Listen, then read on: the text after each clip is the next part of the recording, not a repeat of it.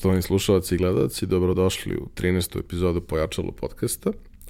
Moj gost danas je uh, moj dragi prijatelj Charlie Pomije, uh, momak koji je arhitekta i dizajner nameštaja, koji je uh,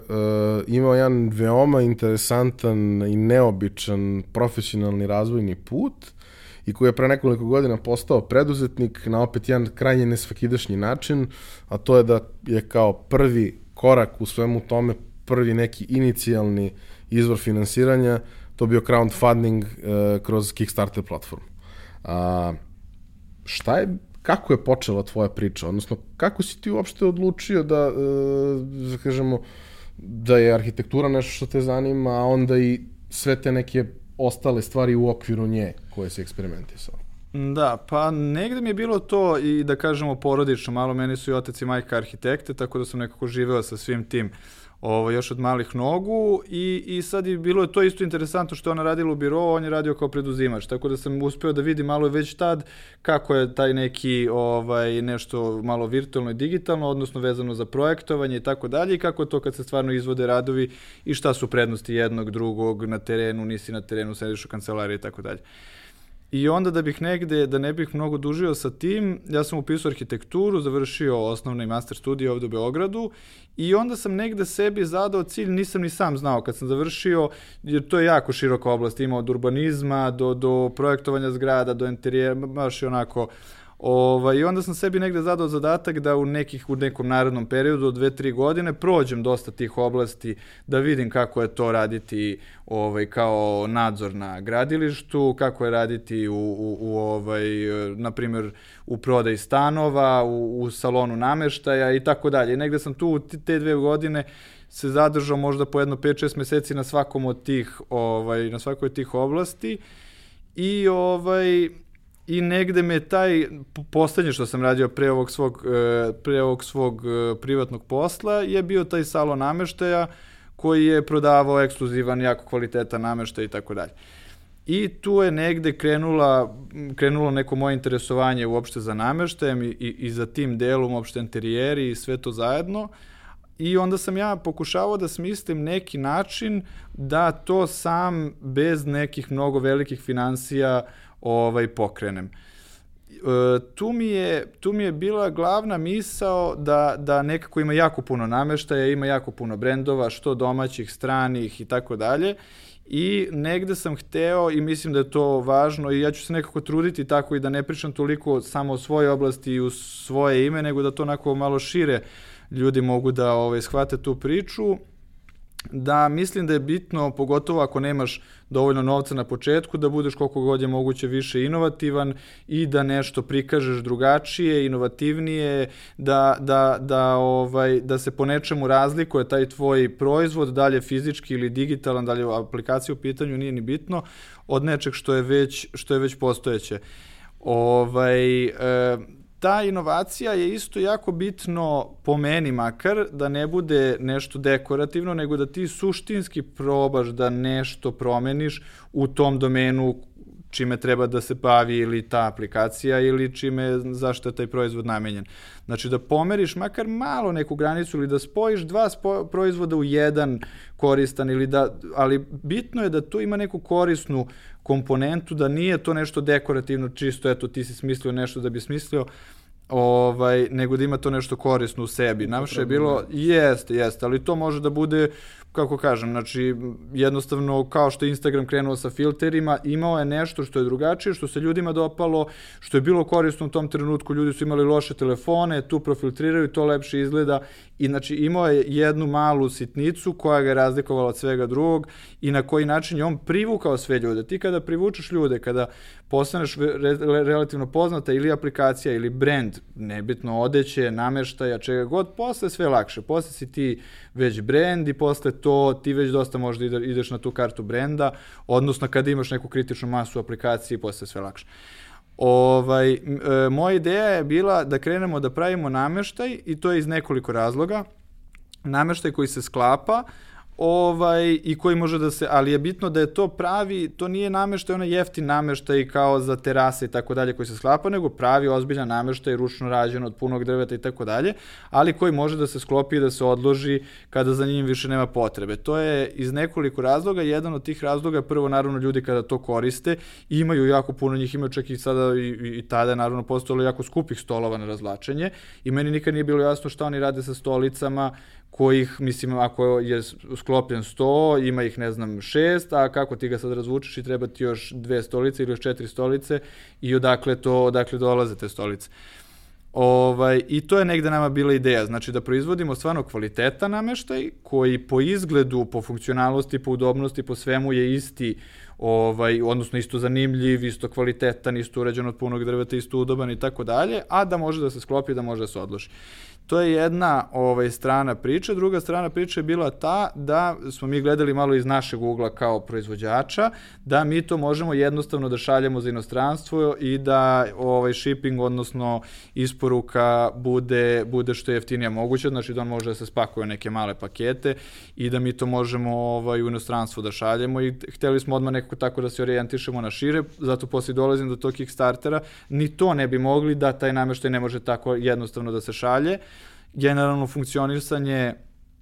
ovaj, distribucije namještaja funkcioniše tako da ti moraš da imaš salone sa kojima sarađuješ u inostranstvu, koji od tebe kupuju namještaj, pa ih oni ras, ovaj, prodaju dalje i vrše tu distribuciju, a mi smo hteli, baš zato što smo bili potpuno nepoznati, da možemo to odmah preko interneta da prodamo direktno nekome u inostranstvu, nebitno da li u Njujorku, Parizu, u Tokiju i tako dalje. Ovaj, I tu je onda sad kreće, to je sad sve bila ideja, ovaj, naravno početna, tu sad onda kreće razrada cele te stvari, e, od tog nekog početnog koncepta do toga, mislim, jako je teško, pogotovo stolicu, je jako teško napraviti i samo po sebi bez da se rasklapa je jako teško, kamoli kad se rasklapa pa ona treba da bude i stabilna, pa treba i da ovaj još smo mi sebi zacrtali da onaj kad se sklopi da ima onaj smisleni oblik, da nije nešto samo da su nabecane neke onako letvice u neku kutiju, nego da ona ima nekog smisla, ovaj i kad se sklopi to imaju one slike gde nogari dolaze u naslon i tako dalje, tako da to negde ovaj lepo izgleda kad se sklopi. I e, tu je bilo dosta je to vremena oduzeo sam taj početak, uh, je dosta vremena oduzeo u tom menjanju, menjanju, menjanju, ovaj, pogotovo što ti svaki put to ne možeš ni da praviš ni ne znam od stiropora ili ovo, jer, nego moraš zato što bi fizički trebalo da sedneš na nju i da je probaš. Tako da je to dosta dugo trajalo dok, smo, dok mi nismo došli do tog nekog prvog ovaj proizvoda. Ja sam se odmah uhvatio te stolice kao nečeg najzahtevnijeg, posle to lakše sto i ta, takve neki drugi elementi, mnogo manje opterećenja imaju i to je onda nešto drugo. Ovaj, onda kad smo došli do tog ovaj, prvog proizvoda, gledali smo kako mi to možemo da ponudimo e, nekom širem auditorijumu i što se tiče prikupljanja nekih financija i započinjanja posla i što se tiče, to su opet neke jako važne stvari na samom početku, negde istestirati tu ideju. To je isto ljudima govorim da je, da je to ovaj, jako važno, da se ne zalaću, da treba biti uporan, ali treba biti uporan kada ti vidiš da nešto stvarno funkcioniše i da nešto ima smisla, a, a biti uporan, a ako grešiš je gubljenje vremena. Tako da tu treba relativno na početku i, i pre tog Kickstartera videti malo sa ljudima i sa prijateljima i baš ne sa prijateljima, jer će prijatelji možda biti malo prijateljski nastrojeni pa neće hteti da te uvrede ako nešto ne valja, neće biti možda do, do kraja iskreni, a ovaj, tako da to treba koliko god je moguće E, pokazivati ljudima, ispričati o čemu se radi, slušati njihovo mišljenje, videti šta može bolje, šta bi ljudima tu zasmetalo, šta može da se uradi drugačije i tako dalje. I to neko testiranje ovaj same te ideje mislim da je mislim da je jako važno. Tu isto opet onda dolazimo na taj Kickstarter gde je, pored toga što se to, sad mogu negde da ispričam ukratko uopšte šta je za neke ljude možda koji ne znaju, Kickstarter platforma uh, na kojoj uh, vi predst predstavljate ovaj, svim tim ostalim znači, ljudima, širem tom nekom auditorijumu, predstavljate vaš, vaš projekat, on može da bude digitalan u vidu neke aplikacije i neke vrste ideje tog tipa i može da bude ovaj, neki proizvod, neki proizvod fizički koji se pravi. Ove, I tu sad ima najrazličitijih stvari, ljudi non stop po celom svetu samo smišljaju neke inovativne stvari, tu ih plasiraju, bitno je da mora da bude, ako se radi o proizvodu, ne može da bude prototip, ne može da bude 3D model, mora da bude gotov proizvod, testiran proizvod koji odmah može da se ovaj, prodaje. E, e, taj čovek koji je nosilac kampanje ili firma svejedno, e, zadaje rok koliki hoće da traje kampanja, kampanja može da traje od 15 dana do 2 meseca i zadaje cilj koji želi kao donju liniju da osvoji novčano prodavajući taj proizvod u napred. Znači vi faktički prodajete, na primjer u našem primjeru je stolica, mi u napred prodajemo, prodajemo, prodajemo tu stolicu koja, ne mogu ne da setim koja je cena bila, recimo 200 dolara, ne mogu da setim koja je cena bila, ovaj, sa tom cenom vi treba da dostignete određeni cilj novčani od, na primjer, recimo 10.000 dolara. Ako dostignete 10.000 i sve preko, uzimate taj novac i pravite te stolice, odnosno o čemu god da se radi. Ako ne osvojite taj iznos, nikom ništa, njima se ne skidaju pare sa računa, vi ne dobijate ni centa, znači ako osvojite 9.999, niste prošli i ne dobijate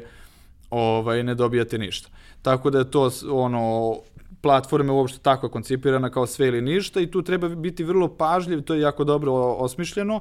e, vrlo, e, zato što su oni hteli negde da, da ti budeš vrlo realan sa tim koliko je tebi stvarno zaista para potrebno za realizovanje tog projekta, odnosno te ideje. Da ne ideš nešto da si previše alo pa da zacrtaš neku preveliku sumu, jer onda vrlo moguće da je nećeš osvojiti ovaj, nego moje, naše neko i moje neko iskustvo je da je bolje zacrtati manje, ovaj, e, iz nekoliko razloga. Prvo, zato što ćeš vrlo verovatno da je, da je osvojiš. E, drugo, zato što e, ljudi imaju malo to psihološki kada vide da je već projekat prošao i znaju da će se to realizovati, da će taj proizvod dobiti, ljudi će tek tad onako baš dosta čak i više kupuju te proizvode. Druga stvar, e, ima i toga malo da svi nekako hoće malo ono što svi već kao kupuju ono to onaj sindrom kada vidite red negde pa stanete u njega pa za svaki slučaj. Tako da to je to. Tako da poenta je priče da je bolje ovaj staviti donj ovaj da ta da ta lestvica koja treba da se preskoči bude neka niža i da bude realno ostvariva.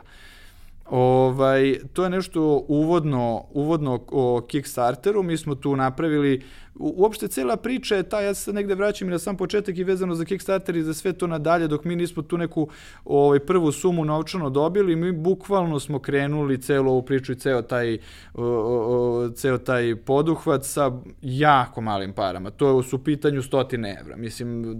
da kažemo okvirno do 500 ili malo preko 500 evra, sve zajedno sa tim prototipovima, sa slikanjem koje smo mi sami, sami smo napravili sajt. Znači, stvarno smo krenuli potpuno ovaj, od nule. I hoću da kažem, zašto to pričam? Zato što je to bitno i za Kickstarter, da mi nismo imali neku fancy prezentaciju snimanu dronom i da je to sad nešto koštalo ne znam ja koliko, nego to je bila bukvalno PowerPoint prezentacija, idu slike, ide ovaj audio snimak koji objašnjava o čemu se tu radi i koji dočarava celu tu stvar i taj slide show koji se menja, snimljen naravno sačuvan odnosno kao film I to je bila cela prezentacija, ceo, ceo film koji smo mi postavili na Kickstarter. I bez obzira na to, opet zato što je bila ta ideja zanimljiva i inovativna, nas je Kickstarter prepoznao, ima tim Kickstartera koji označava određene proizvode sa nekim labelom, odnosno ima kao Project We Love. Ja mislim da se to možda promenilo kako se zove, ali to u svakom slučaju to, to je neko srculence koje dobije projekat. Uh, za, za te neke projekte koji potpuno, to ne može da se plati, ne može ništa, jednostavno ti, tim Kickstartera određuje koji su proizvodi njima zanimljivi i to obeleže na taj način i ti proizvodi su posle mnogo bolje rangirani u pretragama, nalaze se na nekim recommended eh, kao ovaj eh, kategorijama i tako dalje. U svakom slučaju su mnogo više vidljivi, nalaze se u njihovom newsletteru, što je nama strašno pomoglo, na primjer kad je bio taj newsletter, to onako strašno ti skoči, ti imaš ovaj, statistiku poseta dnevnik svaki dan, ovaj, bili smo u njihovom newsletteru i tako dalje, tako da oni negde promovišu koliko god mogu te ideje koje one smatraju kvalitetnim i to opet znači treba podvući da ovaj to ne mora da bude ništa nešto fancy snimljeno, nešto jednostavno radi su ideje. Ako je dobra ideja, nema veze što je PowerPoint prezentacija, nema veze što je slikano nešto telefonom, pa Photoshopom ovaj skidana ono pozadina da bi bilo na beloj pozadini. Znači bukvalno smo tako radili nego im je jednostavno bitna ta ideja, bitna im je suština i, i, i, ovaj, i to je to. Negde bitno, to su mene ljudi posle tih nekih predavanja i pitali, pa se na to vraćam da možda ispričam sve što bi ljude interesovalo. Kickstarter ne može, nažalost, da se krene iz Srbije, mora da bude nosilac može da se proizvodi ovde, da se radi ovde, da, i nama je pisalo Belgrade Srbija, Srbija, ali ovaj ali nosilac kampanje finansijski bankarski mora da bude neko iz tog nekog da kažemo po znacima navoda razvijenog sveta odnosno to je veliki broj zemalja cela Evropa, Amerika uh, sad ne znam na pamet ali ono Japan ne, ne mogu sad da setim ali sve u principu te te zemlje Kanada naravno je sve to. uh, bitno je da, da tu neko od poverenja, neki prijatelj, rođak ili tako dalje, koji to se uopšte ne vidi kada se gleda uopšte video snimak ili kampanja ili bilo šta, zna se da je shipping iz Srbije i tako dalje, ali jednostavno finansijski su pare legle na taj račun, ovaj, konkretno meni je brat u Parizu, pa su na njegov račun, ali svako, ja verujem da ima ili nekog prijatelja od poverenja ili nekoga kome ovaj može taj deo da poveri, to je, to je znači jedino je to ovaj stvar što što direktno ne mogu ovde da se dobiju da se dobije novac. E, šta je još negde bilo interesantno za za Kickstarter pokušam sad da se setim iz glave, ali u principu to je to je to. Mi smo zadali sebi koliko će to da traje, dobili smo, ovaj, prešli smo u nekom trenutku i posle smo još zaradili preko toga, prešli smo tu granicu koju smo sebi zacrtali i tu je negde nama bila to neka početna osnova za sve ovaj, kasnije, što nam je dalo onako vetar u leđa, ali u svakom smislu, to nije, to podlačim, to nisu samo financije. Tu je prvo ogroman marketing. Tebe vidi ceo svet i tu ljudi ne samo što te vide fizički, uh, fizička lica, nego tu ozbiljne firme imaju ljude koji sede po ceo dan na Kickstarteru i gledaju šta se tu dešava i hvataju neke ovaj ekskluzive i da oni to ne znam onda ti nude da prodaju tu i tu, da prodaju tamo i tako dalje. Znači to je jako veliki, jako dobar marketing ovaj koje koje nama donelo nevezano opet od tih za, zašto kažem tako da čak i ako nisi osvojio tu sumu novčanu koju si hteo da osvojiš, ništa te nije koštalo, ipak si dobio marketing, ipak te neko video, neko je čuo, dobio si neko ovaj, testiranje, e, šta se ljudima svidelo, šta im se nije svidelo, oni tu mogu da komentarišu i tako dalje. Znači, vrlo je jedna interaktivna platforma i, ovaj, i svako slučaju je jako dobra kao test te ideje, da li se to ovaj, ljudima sviđa ili im se ne sviđa. Tako e, da, ali uh mhm. -huh. postoji tu još jedan element cele priče. Ti si ga pominjao u tragovima do sada, ali si nisi nešto ozbiljnije e, doticao toga. A to je da, ok, da, pored uh, potencijalnih kupaca, pored potencijalnih partnera koji možda gledaju neki zanimljiv proizvod da uvrste u sobstveni portfolio ili da možda otkupe ideju i tako dalje, da postoji naravno posebno u, u, u, ovoj oblasti koja je na neki način ili dizajn, postoji ozbiljna pažnja stručne javnosti, postoji ozbiljna pažnja stručnih medija, što ti onda nodi mogućnost da yes. dobiješ jako veliku količinu besplatnog PR-a koji je neprocenjiv. Naravno, naravno, naravno. To je sve deo toga, deo toga, i uopšte e, počeš od toga, ja se stalno baziram na toj inovativnosti. Tu je samo deo, Kickstarter je samo deo toga. Znači ti ako imaš inovativan proizvod koji je zanimljiv, on će naići mnogo lakše će neko da ga objavi na nečijem blogu, na sajtu, na bilo čemu,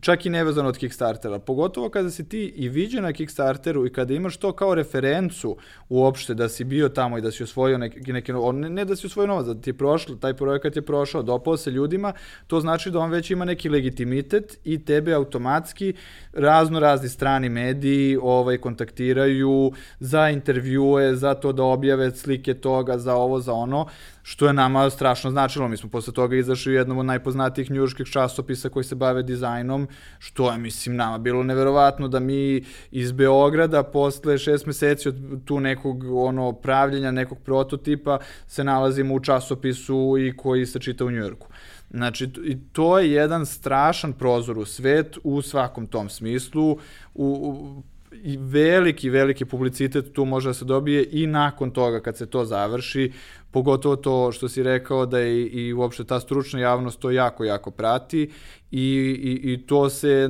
mislim, nema šta, tu se nagrađuje svaka ta inovativnost i sve to što, što, je, što je dobro oni ovaj i oni generalno vape za nekim simpatičnim, inovativnim, e, korisnim stvarima koji koje koje kojih nema toliko i tu svako može da očekuje da da ovaj da ta priča njegova bude stvarno medijski propraćena i ovde u Srbiji i u inostranstvu. Tako da nema Um, tu. poseban aspekt e, cele priče iz mog nekog ugla, e, nešto što, što si ti shvatio vrlo rano, a što mislim da je često problem našim ljudima kada, kada razmišljaju o svemu tome, e, su, neki, nekoliko stvari, hajde probat ću da ih, da ih pobrojim. Prvo, da taj proizvod ne mora da bude jeftin. Da. A, da ne postoji problem ako je Da, proizvod da, ću se skuplji, na svaku stvar. pa ukoliko pričati on ima neku, Da. neku vrednost koju, koju nosi. Da. A, druga stvar, da to ne mora da bude milion stolica. Da. Da to može da bude neka konačna količina stolica koja nije prevelika i da to može da bude stvar koja je Jeste. komadna, koju neko želi da ima kao komad svog interijera, a može da bude i nešto Da. više. Ovaj, I e, treća stvar, a to je da e, pokušavaš to da radiš u, u segmentu kada se analizira šta postoji i na Indiegogu i na Kickstarteru Da. i tako dalje. Postoje neki segmenti u kojima ima beskonačan broj vrlo sličnih proizvoda. Da, da. A ti si uzeo da praviš nešto čega tamo gotovo da, nema Da. i opet si to uzeo da praviš na neki način koji nije... Mislim, ti si premenio uh, IKEA koncept na nešto što nije Da, da. jeftini Nekako proizvod. je to, da, sve spojeno u jednom, E, o, ali ajde da krenemo, idemo stvar po stvar. E, Što se tiče jeftinih proizvoda, mislim da ih apsolutno ne treba praviti, da je to apsolutno izgubljena bitka u samom startu. Iz nekoliko, pogotovo za, mislim, za mlade koji te kreću i nekoga bez financije i tako dalje. Ovaj, ti ne možeš da pariraš prvo Kini i Kinezima i sada Turskoj i tako dalje koji to prave u toliko velikim količinama, to su toliko smešne cene da ovaj da ti tu po ceni ne možeš nikako da im pariraš i onda jedino po čemu možeš da im pariraš je kvalitetom i time da imaš neki lični pristup da nešto može da bude e, e, da se odabere neka boja, materijal. Mislim sad pokušam da malo da ne bude samo vezano za nameštaj, ali uopšte da imaš taj neki da nešto može da bude personalizovano, da više ideš na tu, da ne ideš na količinu, ali kao pošto ne idem na količinu, onda eto ja ću tebi da se posvetim i mi to radimo za tebe. Ekskluzivnost na neki način. Pa tu neku vrstu da, da, da, dobijaš toga, ali u svakom slučaju ovaj kvalitet je strašno strašno važan. Znači to ljudi u svetu svuda apsolutno cene i i ne može to da ta cena opet mora da bude u nekom normalnom opsegu i da se vidi da li je to realno, ali ne treba nekoga da brine prvo cena, znači treba da ga brine prvo kvalitet. Ako je to stvarno kvalitetno, naći će se ljudi pogotovo na zapadu koji će to hteti da plate. To, to, I to je jedini način da se to prodaje, je samo kvalitet i samo e, se okrenuti apsolutno tome. Ne razmišljati nekako preširoko i o nekim ogromnim količinama, nego krenuti od nekog malog broja i zadržavati i kasnije, daj Bože, pa će ti ljudi doći do toga da to i budu malo veće količine, jako bitno zadržavati taj kvalitet i u većim količinama kasnije. Znači da ti nisi krenuo nečeg što je jako kvalitetno, pa kad je malo sad to se povećalo da se pogubiš i da to da odeš od tog nekog početnog koncepta, a početni koncept je kvalitet. Ovaj, što se tiče samog tog koncepta ovaj, nameštaja, koliko on sličan i čemu, on jeste, ima te neke, e, šta smo mi, pokušali smo da negde uhvatimo šta je dobro od svega, da uhvatimo šta je dobro od Ikea, to je to što može da se, ne znam, sklopi, transportuje i flat tako pack. dalje, jeste to i to je nama strašno značilo, pogotovo nam je značilo, opet ponavljam, mi smo hteli da to izvozimo. Znači, to je, ja sam krenuo celu priču od toga što sam ja pričao sa drugarom koji se bavi već nameštajem, Ja sam ga pitao što ti to ne izvoziš, on mi je rekao pa mene izvoz, mene ovaj transport, odnosno taj shipping mene košta koliko i sam nameštaj. I ja sam krenuo da razmišljam, čekaj, da li je moguće da ne može nešto da se smisli, a da to opet bude kvalitetno i, i tako da ima sve te karakteristike, a da ovaj a da a da može da da se šalje mnogo lakše. I nama je to strašno značilo na početku, isto ja sad opet pričam u svoje ime, a sad ovaj, teo bih opet negde šire da pričam. E, nama je to strašno značilo na početku što smo mi mogli da preskočimo te salone nameštaja, iz kog razloga, zato što si ti potpuno nepoznat. Ti nemaš ti nemaš e, tri proizvoda, e, tvoj brend je nepostojeći, juče je nastao i tako dalje. Tako da ti njima uopšte nisi interesantan, neće oni sada da prodaju tvoj nameštaj. A ti ovako možeš direktno nekome odmah da prodaš i odmah da mu pošalješ. I to je nama bilo strašno važno da ne moramo da sarađujemo sa nekim salonima koji možda nisu još uvek zainteresovani za nas, jer smo mi na početku, nego da možemo direktno ovaj, da, prodajemo, da prodajemo to ljudima. I trudili smo se stvarno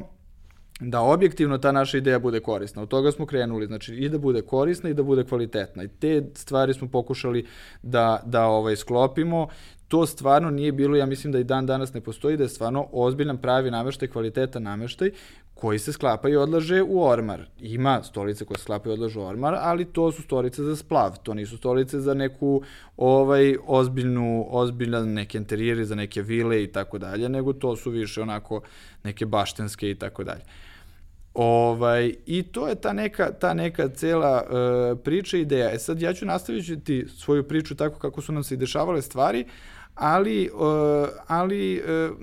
zašto to govorim? Zato što je stvar takva da ti, verovatno, ne znam, za druge poslove, pretpostavljam, pričam u svoje ime, moraš i da prilagođavaš to kako se stvari dešavaju, kako ti rasteš, kako se menja tržište, kako se menjaju stvari, tako i ti menjaš taj posao i menjaš te neke stvari. Mi smo nakon toga, nakon tog Kickstartera, imali smo pare uh, ovaj, odnosno ta sredstva da, da možemo ovaj, da, da nešto idemo na neko kao reklamiranje i tako dalje. Mi smo se odlučili za sajam u Beogradu, sajam nameštaja u Beogradu. E, tu smo ovaj, imali neki, zakupili smo štand i sve to ovaj, prezentovali sada to nekoj domaćoj publici i to je onda odlično prošlo. Znači idemo onako step by step kako su se stvari dešavale. Ovaj, tu smo izašli onda na sajam e, znači u Beogradu nameštaja to je opet bio neki feedback, kako nam je to isto bilo tad prvi put da mi vidimo ljude uživo kako reaguju na nameštaj. Ovo je sad sve bilo na osnovu video snimka, ideje, slika i tako dalje, ali ovo je bilo drugačije kad ti gledaš nešto što si ti napravio i onda je to malo bila već i neka šira kolekcija, imali smo sredstva da to isfinansiramo, da vidiš ljude uživo kako ovaj, reaguju na sve to, šta im smeta, šta im ne smeta, šta im je super i tako dalje. I tu je opet naišlo na jako dobar ovaj, odziv, jer je to opet sve bilo drugačije, naše stolice su nešto bile pokačene, sve po štandu, sklopljene, rasklopljene, ovako dalje, i to je jako dobro izgledalo, čak smo izašli, na primjer, eto tada i u politici, tako da nevezano, uopšte nisu znali oni za Kickstarter i tako dalje, jednostavno su opet i tu prepoznali to nešto, su, odmah se videlo da je to nešto drugačije i zanimljivo i, ovaj, i tako dalje. E sada, tu kreće nakon tog sajma i nakon svih tih poručenja, sve što smo mi to posle onda to napravili, sporučili i tako dalje,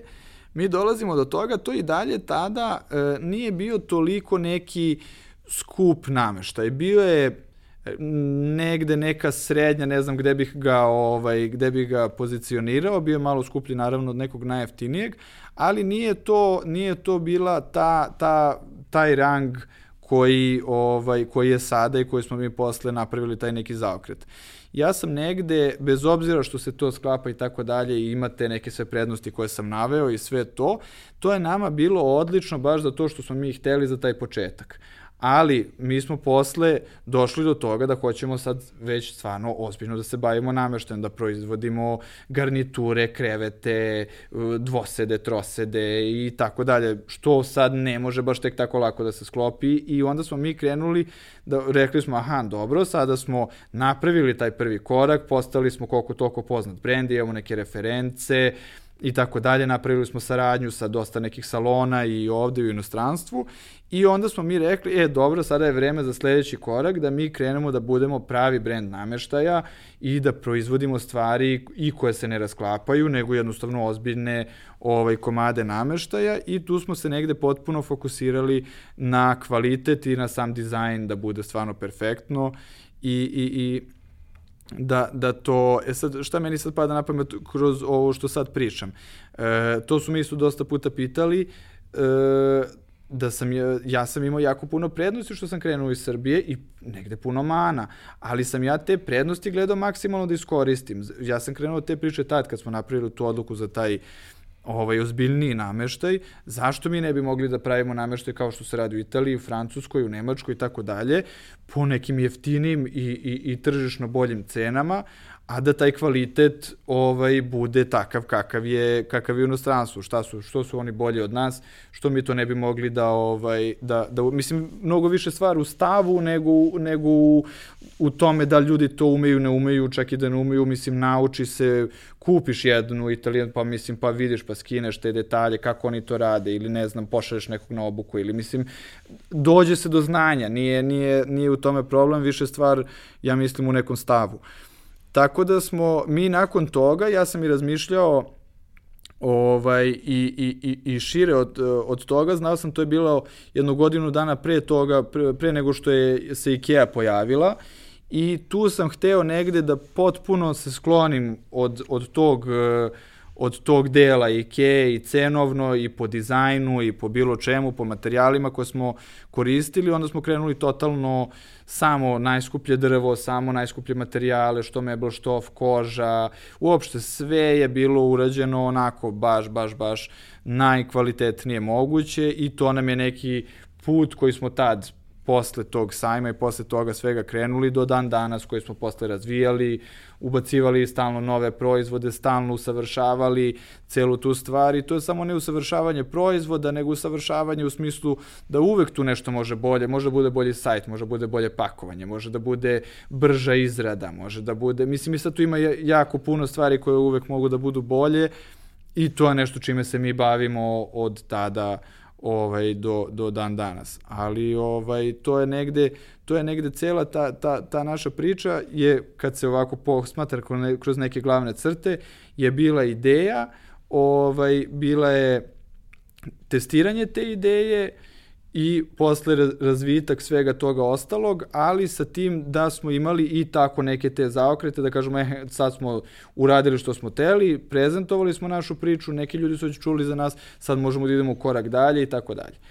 Tako da je to negde, mi to nismo mogli jednostavno na početku da uradimo. Mi nismo mogli da ovaj, do, se pojavimo bilo gde sa nekom najobičnijom sofom i da kažemo, je, znate šta, mi smo sad krenuli to da radimo, pa evo, ovaj, baš smo super i volili bi da izlažemo kod vas. Nego smo morali negde prvo da postanemo pod nacinima navoda nekog, ne ime, ali polu ime, nešto koliko toliko prepoznati. prepoznati, da imamo neke reference, da smo negde izlašli, da smo u nekom časopisu, da imamo nešto ipak iza nas što stoji, što dokazuje da, da imamo smisla za to što radimo i onda smo mogli da krenemo stvarno da se bavimo ovaj, tim nekim ozbiljnim stvarima. Tako da ovaj tako da to je to je to negde što što mislim da je i mislim da je jako bitno stalno razmišljati onako šta je to ono što dolazi. Kao što smo mi videli tu Ikeu koja dolazi za godinu dana ovde ovaj u Srbiju mislim da je jako važno negde razmišljati u samom startu šta je to što dolazi. Opet se vraćam na taj Instagram koji je odmah krenuo samo za mobilne telefone a tada nije bilo toliko da se koristio se i Facebook i sve i na kompjuteru, ali oni su to negde prepoznali da to ide u tom smeru. Mislim da je jako bitno uopšte kada se kreira neka ideja i posao, da to negde, da razmišljaš onako dugoročno, imaš neke kratke ciljeve, a da imaš i neke dugoročne. Kratke su bili ti što sam ja to negde nisam pomenuo možda na početku, zašto smo uopšte krenuli da se bavimo tim nameštajem i svim tim. Ja sam imao neke i, i, i ovaj, poduhvate druge koji su zahtevali uh, ovaj neke druge m, bili su mnogo ozbiljniji i mnogo veći. Mi smo taj projekat opet koji smo krenuli sa nameštajem, krenuli od toga da mi krenemo nešto malo, da prodamo nešto malo, pa to je već super. Pa ako se znači kren, imali smo i taj neki kratkoročni cilj koji smo negde mogli vrlo lako da ostvarimo i da nam već bude dovoljno, ali smo iz druge strane razmišljali onako baš naširoko i i i i šta može od toga da se izrodi. Ovaj, tako da je bitno negde predstaviti, meni isto dolaze vrlo često neki ljudi sa razno raznim idejama, e, negde ljudima bitno isto reći da, da, a to je bilo bitno i u ovom mom poslu, svako kada ti dolazi sa idejom, on to već posmatra kao uspelu priču. On to već posmatra kao da to već koristi 100.000 ljudi, kao da se to već zavrtalo. To kad koristi 100.000 ljudi, to je već ti si, to je gotova stvar, treba najteže doći do tih 100.000 ljudi, mislim pričam na aplikacije, na tako neke stvari. E, ti moraš da imaš nešto čime ćeš te ljude da privučeš. Kao što su na Instagramu bili filteri, ti moraš da imaš nešto da mene ne interesuje da li to koristi petoro ljudi ili koristi pet miliona. Meni je na početku bio Instagram samo platforma gde ja dođem, filtriram sliku i šaljem je na Facebook. I mene ne interesuje koliko to ljudi koristi, meni je to korisno za to. I oni su to iskoristili da privuku veliki broj ljudi i da posle od toga naprave zasebnu stvar. Ali moraš da imaš to da, da pitaš sam sebe kako ćeš tih, tih prvih hiljadu ili sto hiljada ljudi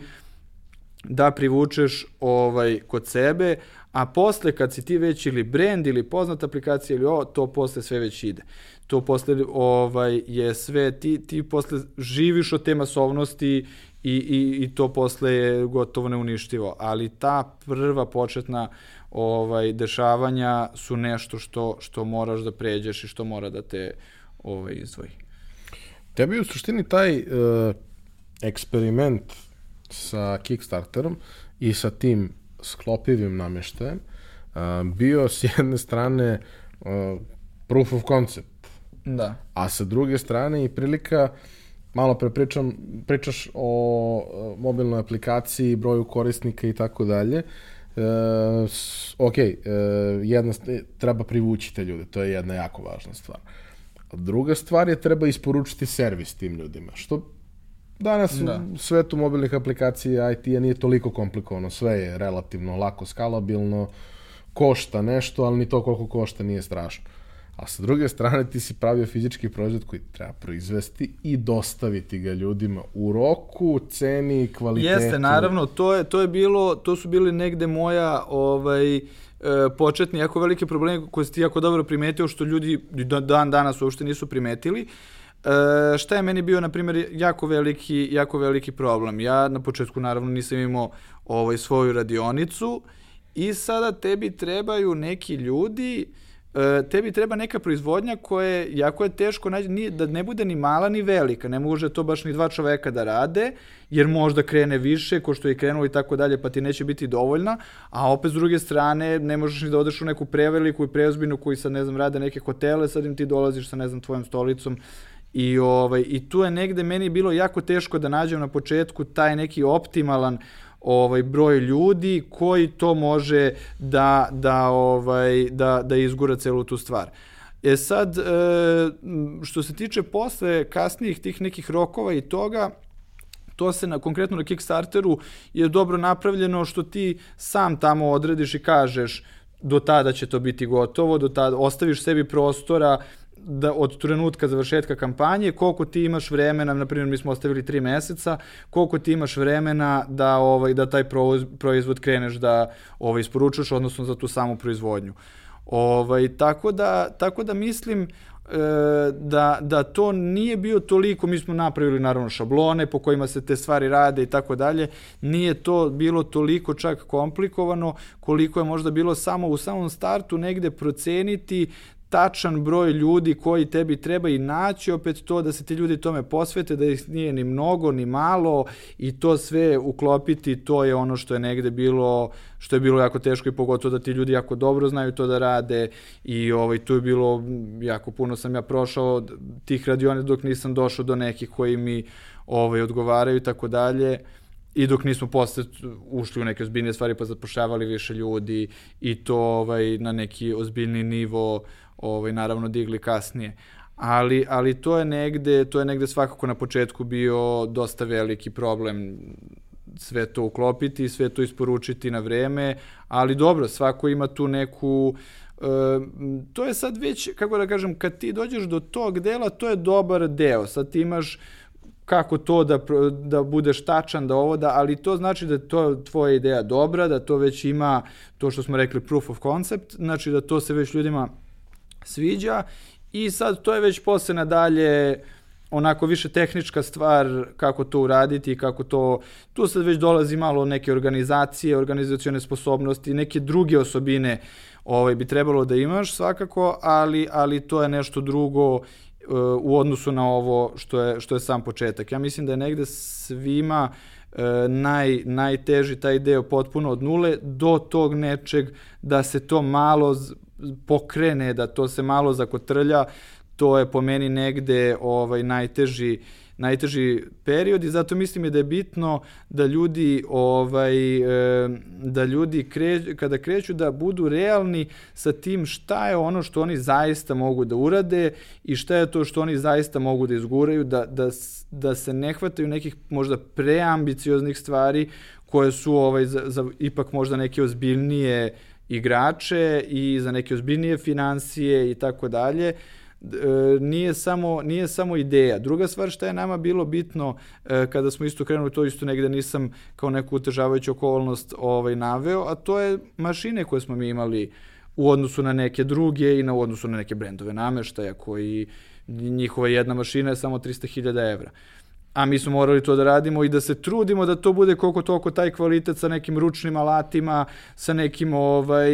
sve to na početku bilo potpuno. Znači ti njima sa njima treba njima da pariraš po nekom kvalitetu i po nekim po ne uopšte estetiku da bi postigao, tebi treba neka vrhunska mašina koja može 6D da napada drvo da bi napravila, sada da ne, ne daju ni bitno neke oblike, ovaj, taj šestosni CNC, mislim, košta sigurno 250.000 evra. Tako da, a, a mi smo teli da to bude i lepo i funkcion i sve ono što smo već pričali. Tako da je to bilo onako na početku dosta izazovno, ali mislim da može. Mislim da tu na dosta ti poteškoća nailaziš, ali ako osjeća se to da li je to, da li to pije vodu i da li to se ljudima sviđa i da li je to izvodljivo i da li i ti onda ti to daje svaka ta pre, e, stepenica koju pređeš ti daje neki vetar u leđi i daje ti neku motivaciju za dalje i za dalje neki trud i za to razvitak svega toga kasnije i to onda ide tako jednostavno korak po korak i ali jako je bitno da se tu nestane nego da ti stalno sebi zadaješ da to može da bude bolje, da može da bude kvalitetnije i ovo sve ovaj što smo što smo pričali. Pričali smo najviše o ovom delu početka i nameštaju na kome si, da kažemo, izgradio tu neku inicijalnu prepoznatljivost. E sad, od tad je prošlo tri godine. Tako da, ja mislim, da. Šta si ti radio u ove tri godine? Pošto si radio neke baš sjajne stvari i mislim da. nekako meni se čini sa strane kad gledam da to što si radio ove prethodne tri godine je bilo ono što si hteo da radiš, a da je ovo bilo samo sredstvo da se do toga dođe. Pa da, sve to zajedno, sve to zajedno. Mi smo došli do toga da smo kroz sve to što smo pričali sada, vrlo brzo postali koliko toliko prepoznatljiv brand i što se nameštaja tiče i onda su krenuli da se pojavljuju neki ozbiljniji interijeri,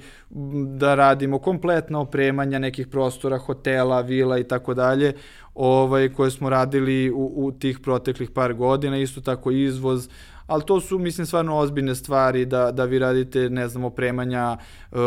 dvorca u Francuskoj, da radite opremanja neka po Parizu i tako dalje. Mislim, to su stvarno onako vrlo izazovne stvari uopšte da, da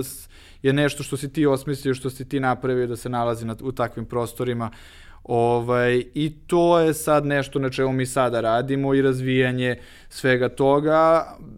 pra, da, da se to, s jedne strane razvijanje biznisa, s druge strane da pratiš da to sve i dalje funkcioniše kako treba, da ne opada kvalitet, da se ovaj, da sve neke početne stvari koje si ti sebi zacrtao su i dalje ovaj su i dalje tu, a da, a da s druge strane radiš na sve većim i većim projektima i da jednostavno to širiš Mislim, tu sad nema kraja, nama je naravno cilj sada da idemo na neke, ovi, to bi trebalo ove godine na neke strane sajmove i generalno u narednim godinama, da idemo u Keln, da idemo u Milano, da idemo i tako dalje, tako dalje. Mislim, to jednostavno,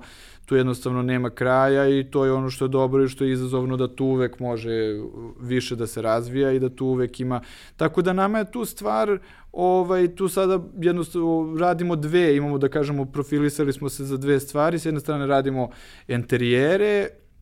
radimo dosta toga po meri, jer su to ljudi koji, koji jednostavno imaju novca da plate to, da jednostavno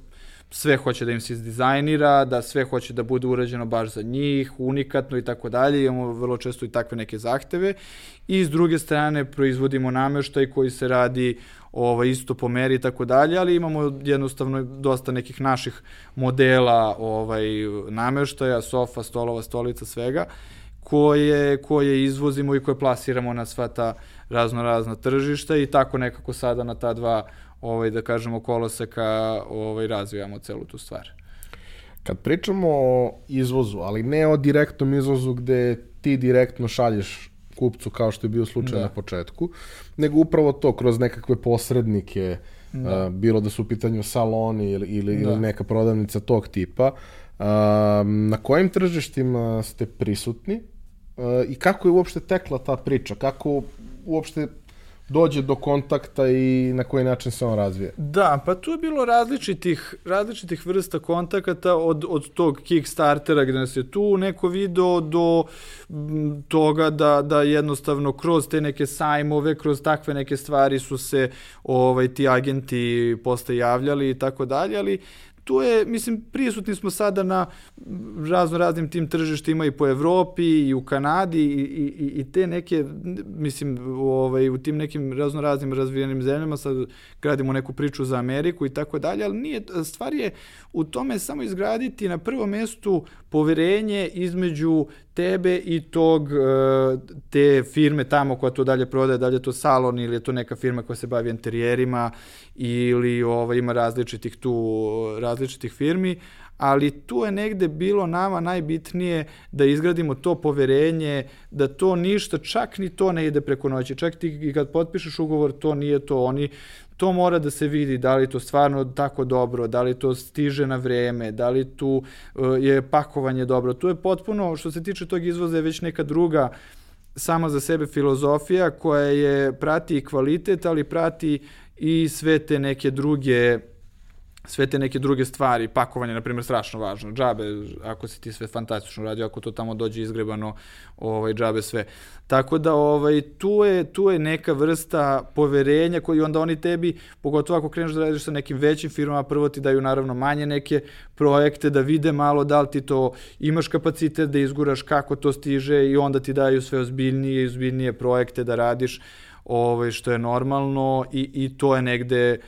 taj isto neki naš put, da tu nema, da tu nema, pogotovo u, u, u ovom našem poslu nameštaju, a i u mnogim nekim drugim stvarima, mislim da je jako dobro da idu stvari polako i da idu stvari svojim tokom i da tu uh, mi svaku stvar koju smo uradili bitno je da se to istestira, bitno je da se istestira i pakovanje, bitno je da se, znači nama ne bi ni odgovaralo da smo sad mi odmah bum krenuli sad neke hiljade količine, jer tu svaka greška te onda košta puta hiljadu. Ako si ti izvezao četiri stolice pa nešto nije bilo dobro, pa dobro, to je greška koja može da se ovaj istrpi.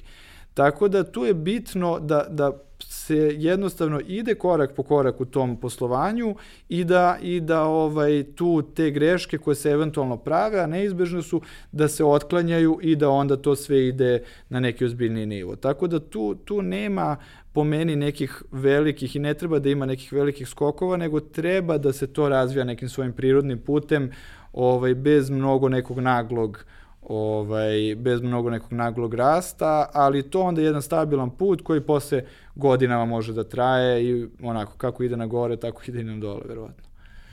A, svaki put kada postoji nekakav fizički proizvod, naročito ako se pravi od poluproizvoda ili nekakvih sirovina, uvek postoji i taj faktor koji, koji može da bude izazovan u najmanju ruku, a to je, jeli, naći dovoljno kvalitetne ljude koji će na tome da rade i naći dovoljno kvalitetne sirovine, imati stabilan izvor tih sirovina i na neki da. način izboriti se sa tim. Posebno u ovoj priči u kojoj ti ipak radiš nešto što je ozbiljno, skupo Ma da, i ne toleriše nikakvu grešku. To su ljudi, to ono što smo krenuli na početku da pričamo, oni hoće da plate više, i ovaj i sve tu nije ništa sporno, ali oni apsolutno traže da bude kvalitet bez greške. Tu se greške ne postoje, tu se greške ne trpe i tu sve ovaj mora da bude savršeno. I tu sad konkretno što se tiče nas, mi smo pronašli malo kroz posao, jednostavno malo po malo pronašli smo te firme koje su stabilne, koji imaju to sve što nam treba i koje mogu da rade u tim količinama koje, koje nam odgovaraju. E sad tu svako verovatno zavisno od oblasti do oblasti, ovaj, tu ima nešto svoje, nama to jeste negde nezgodno kad ti radiš sa fizičkim proizvodom, to je ipak fizički proizvod i tu e, pogotovo ne samo da je fizički proizvod, nego mi radimo sve sa prirodnim materijalima, pa tu onda ima nijanse drveta, pa ima uklapanje istih e, stolice od ne znam ja koliko delova sačinjena, pa tu ima da, da te šare imaju nekog smisla, da to budu slične nijanse, koža isto i tako dalje, tako da tu je jako zahtevno ovaj, to sve raditi, pogotovo sa svim tim prirodnim materijalima i prvo, pogotovo što je to fizički proizvod, što on može da se ošteti, što se on pravi, što on zahteva određeno vreme i tako dalje i što ti jednostavno kako da kažem, radiš sa ljudima, mislim, desiti se grip, pa ti petoro njih nema na poslu, pa mislim, to traje 10 dana, pa, i, pa mislim, pa je sneg, pa ne može kamion da krene, pa ne može da stigne za to vreme, pa je zastoj na carini, pa mislim, drugačije pa kad radiš sa fizičkim proizvodom, a drugačije kad radiš sa ovaj sa, sa, sa digitalnim proizvodima. I stvarno Uh, ja sam negde tek kroz ovaj posao vidio u stvari koliko tu ima fantastičnih ljudi koji, na primjer, sa mnom radi, koliko su to divni ljudi, obični ljudi koji to prave, koliko su to divni ljudi koji možda negde se ne primećuju i niko ih ne vidi i ja se nađem sad ovde sa, sa vama da pričam, a oni u stvari nose sve to što jeste posao i što je jako, jako zahtevno. Oni rade na plus 40 stepeni leti imamo mi naravno klime i sve, ali to je nemoguće ohladiti i zimi je to faktički nemoguće ugrejati Tako da je to njima svaka čast koji to rade i koji to tako fantastično prave i koji se trude i koji, kako da kažem, daleko od toga, evo, negde sam ja primjer da ima ljudi jako puno ovde koji hoće da rade, koji kvalitetno rade, koji su odgovorni i koji su apsolutno ovaj, pravi majstori što se toga svega tiče, ali onako su i kao ljudi ovaj, fantastični i jako dobri. Tako da ovaj tako da to je to je tako kada se radi sa fizičkim proizvodom, to je sve ima pratite svoje to ne, ne ispada to tako iz radionice kao što ovaj neko možda zamišlja, nego je to sve fizički proizvod, zahteva to sad što smo sve rekli, ljudi ga jednostavno prave i tu desi se da se povredi neko, desi se da, mislim, baš ima onako, mora o svemu da se pazi i vrlo je, vrlo je ozbiljna stvar kada se radi o nekom fizičkom proizvodu, tako da eto, to je... Pomenuo si izvoz, uh,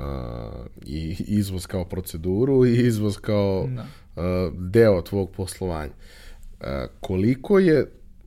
papirološki, birokratski komplikovano uh, izvoziti nameštaje odavde?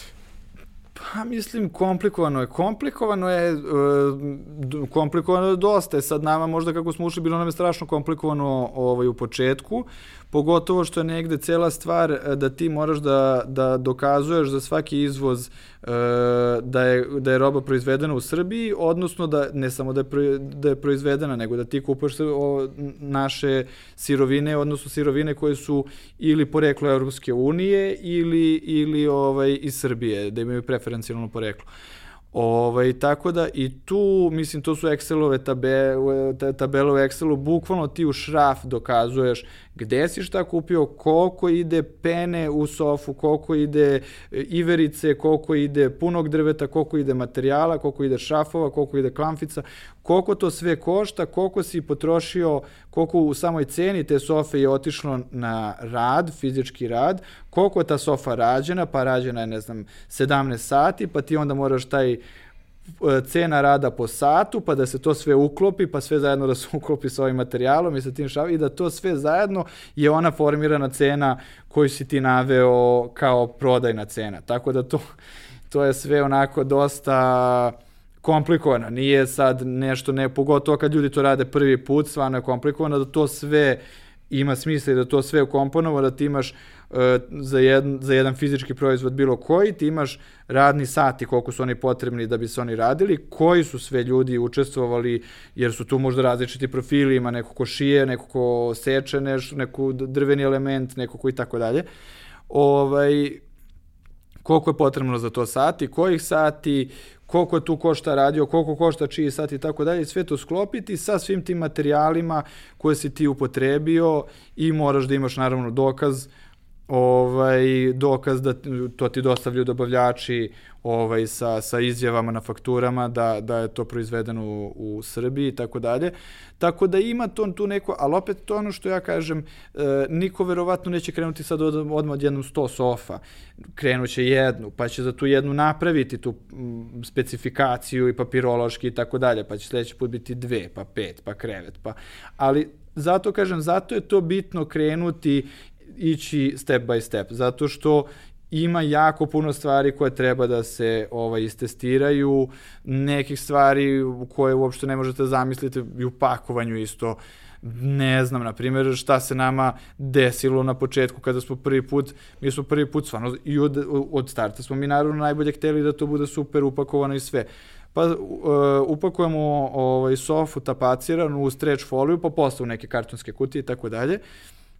I sad taj streč kako to duže putuje, on je potpuno zategnut i on na, na toj sofi malo je nabora ovaj, nabora tu tkaninu. I sad kako to stoji, na primjer, tri dana putuje, ono tamo stigne faktički izgužvano kada se skine ta stretch folija, pa smo onda mi to promenili na neki najlon koji se samo ostavi, pa se, i tako dalje. Znači, to je jednostavno, to su neke stvari koje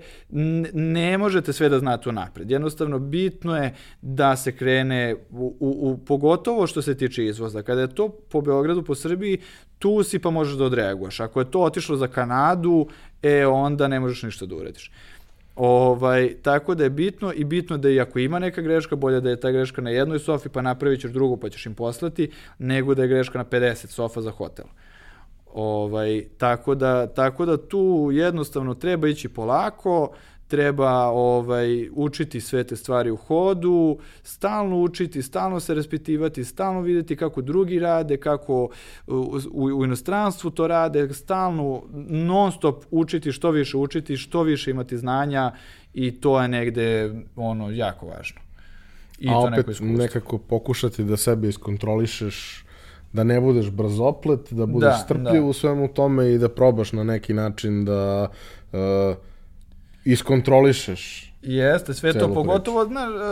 e, tebi kao nekom privatniku i kao nekome ko je krenuo u sve to, tebi su naravno ambicije velike, tebi sigurno nije naravno najveća ambicija na svetu da ti izvezeš jednu sofu. I ti bi odma teo verovatno 30 sofa i odma, to je tako, ti si verovatno zato i preduzetnik i imaš te neke afinitete prema tome i tako dalje. Ali treba tu negde to savladati, spustiti se malo i reći čekaj polako, idemo jednu po jednu stvar ovaj, i to mislim da je negde jako važno i pokazalo se i na mom primjeru i na primjeru nekih drugih da je ovaj da je jako to važno. Ali sve ovo zajedno što smo kasnije pričali to je sve već posle neki tehnički deo cele te stvari.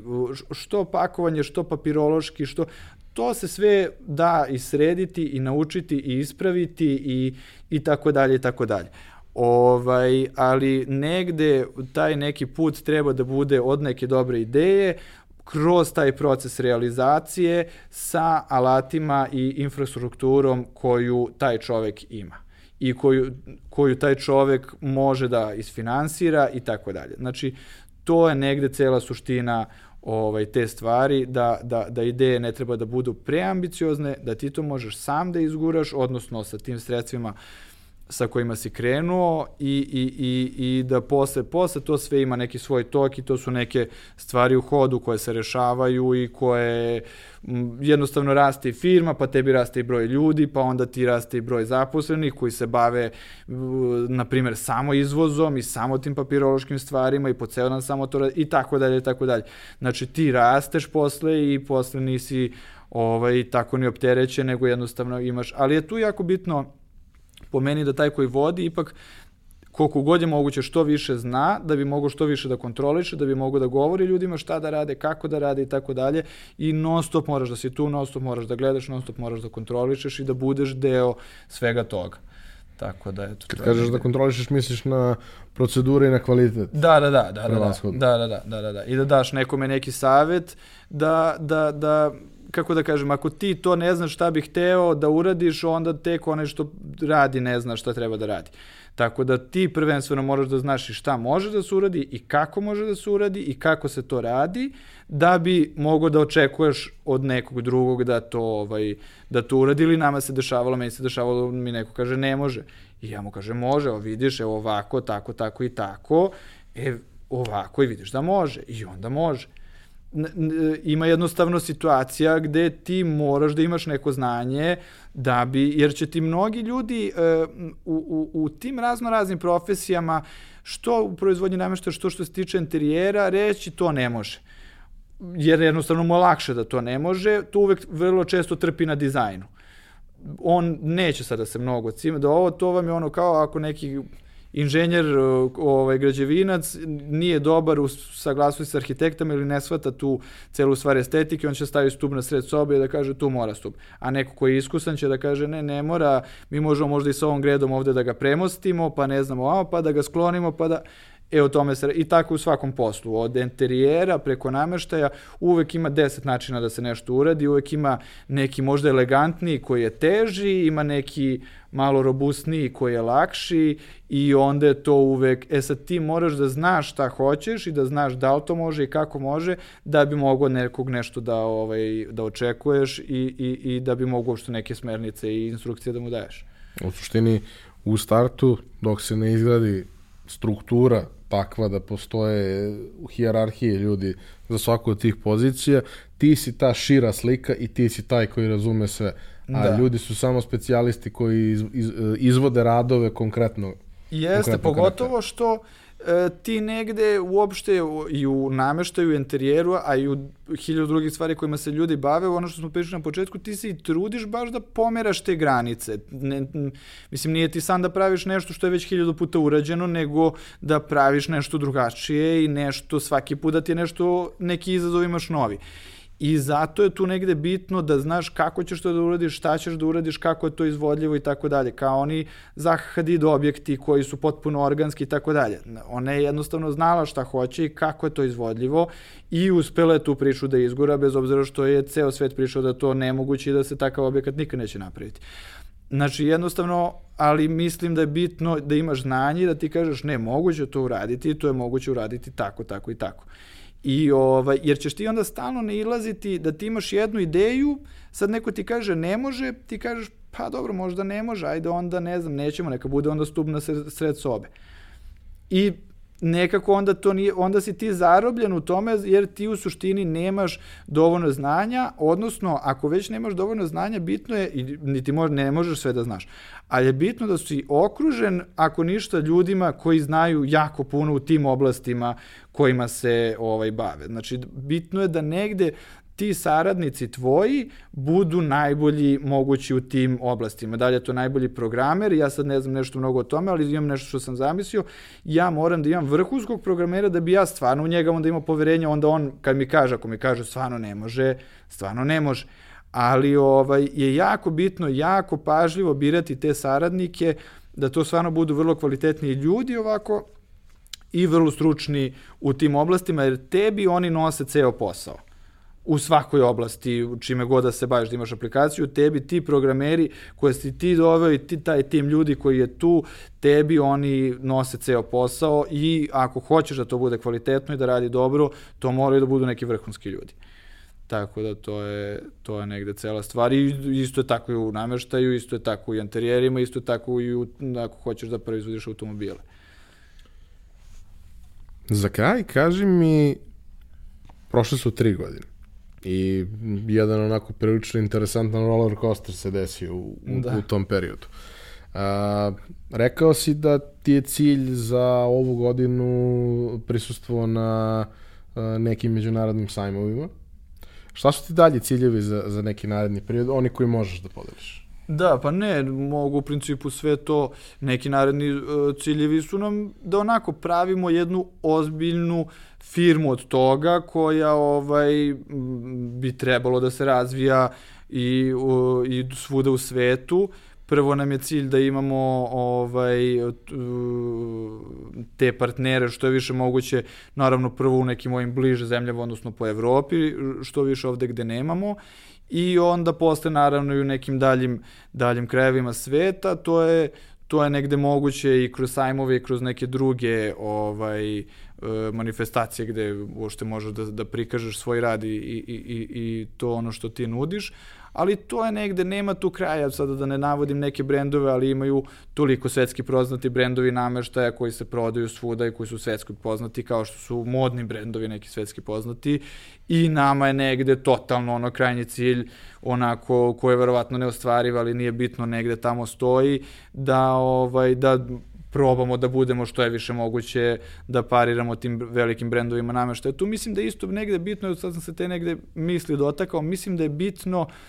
imati te neke daleke ciljeve i razmišljati onako kako da kažem, jako ambiciozno, pa i da se pola od toga ostvari, bit će super. Mislim, ono, kako da kažem, ako učim za desetku, možda neću dobiti desetku, ali ako dobijem osmiću, osmicu, bit će super. Ako učim za šesticu, verovatno neću položiti. Tako da to negde filozofija kojom se mi vodimo, ajde da probamo da budemo kao ti najbolji, pa koliko ćemo uspeti, to ćemo videti. Eto, to je to. Hvala što si podelio sa, sa nama tvoju priču. Uh, nadam Hvala. se da će biti rezultata koje, koje očekuješ. Poštovani slušalci i gledalci, hvala vam na pažnji i kao i do sada molim vas da u komentarima na društvenim mrežama ostavite uh, utiske, možda predloge nekih uh, narednih tema, nekih narednih gostiju i uh, da nam pišete ako vam je tako ovaj, jednostavnije, prirodnije putem sajta i to je potpuno, potpuno ok. Hvala još jednom na pažnji, hvala tebi na gostovanju. Hvala vama, hvala vama što ste me zvali.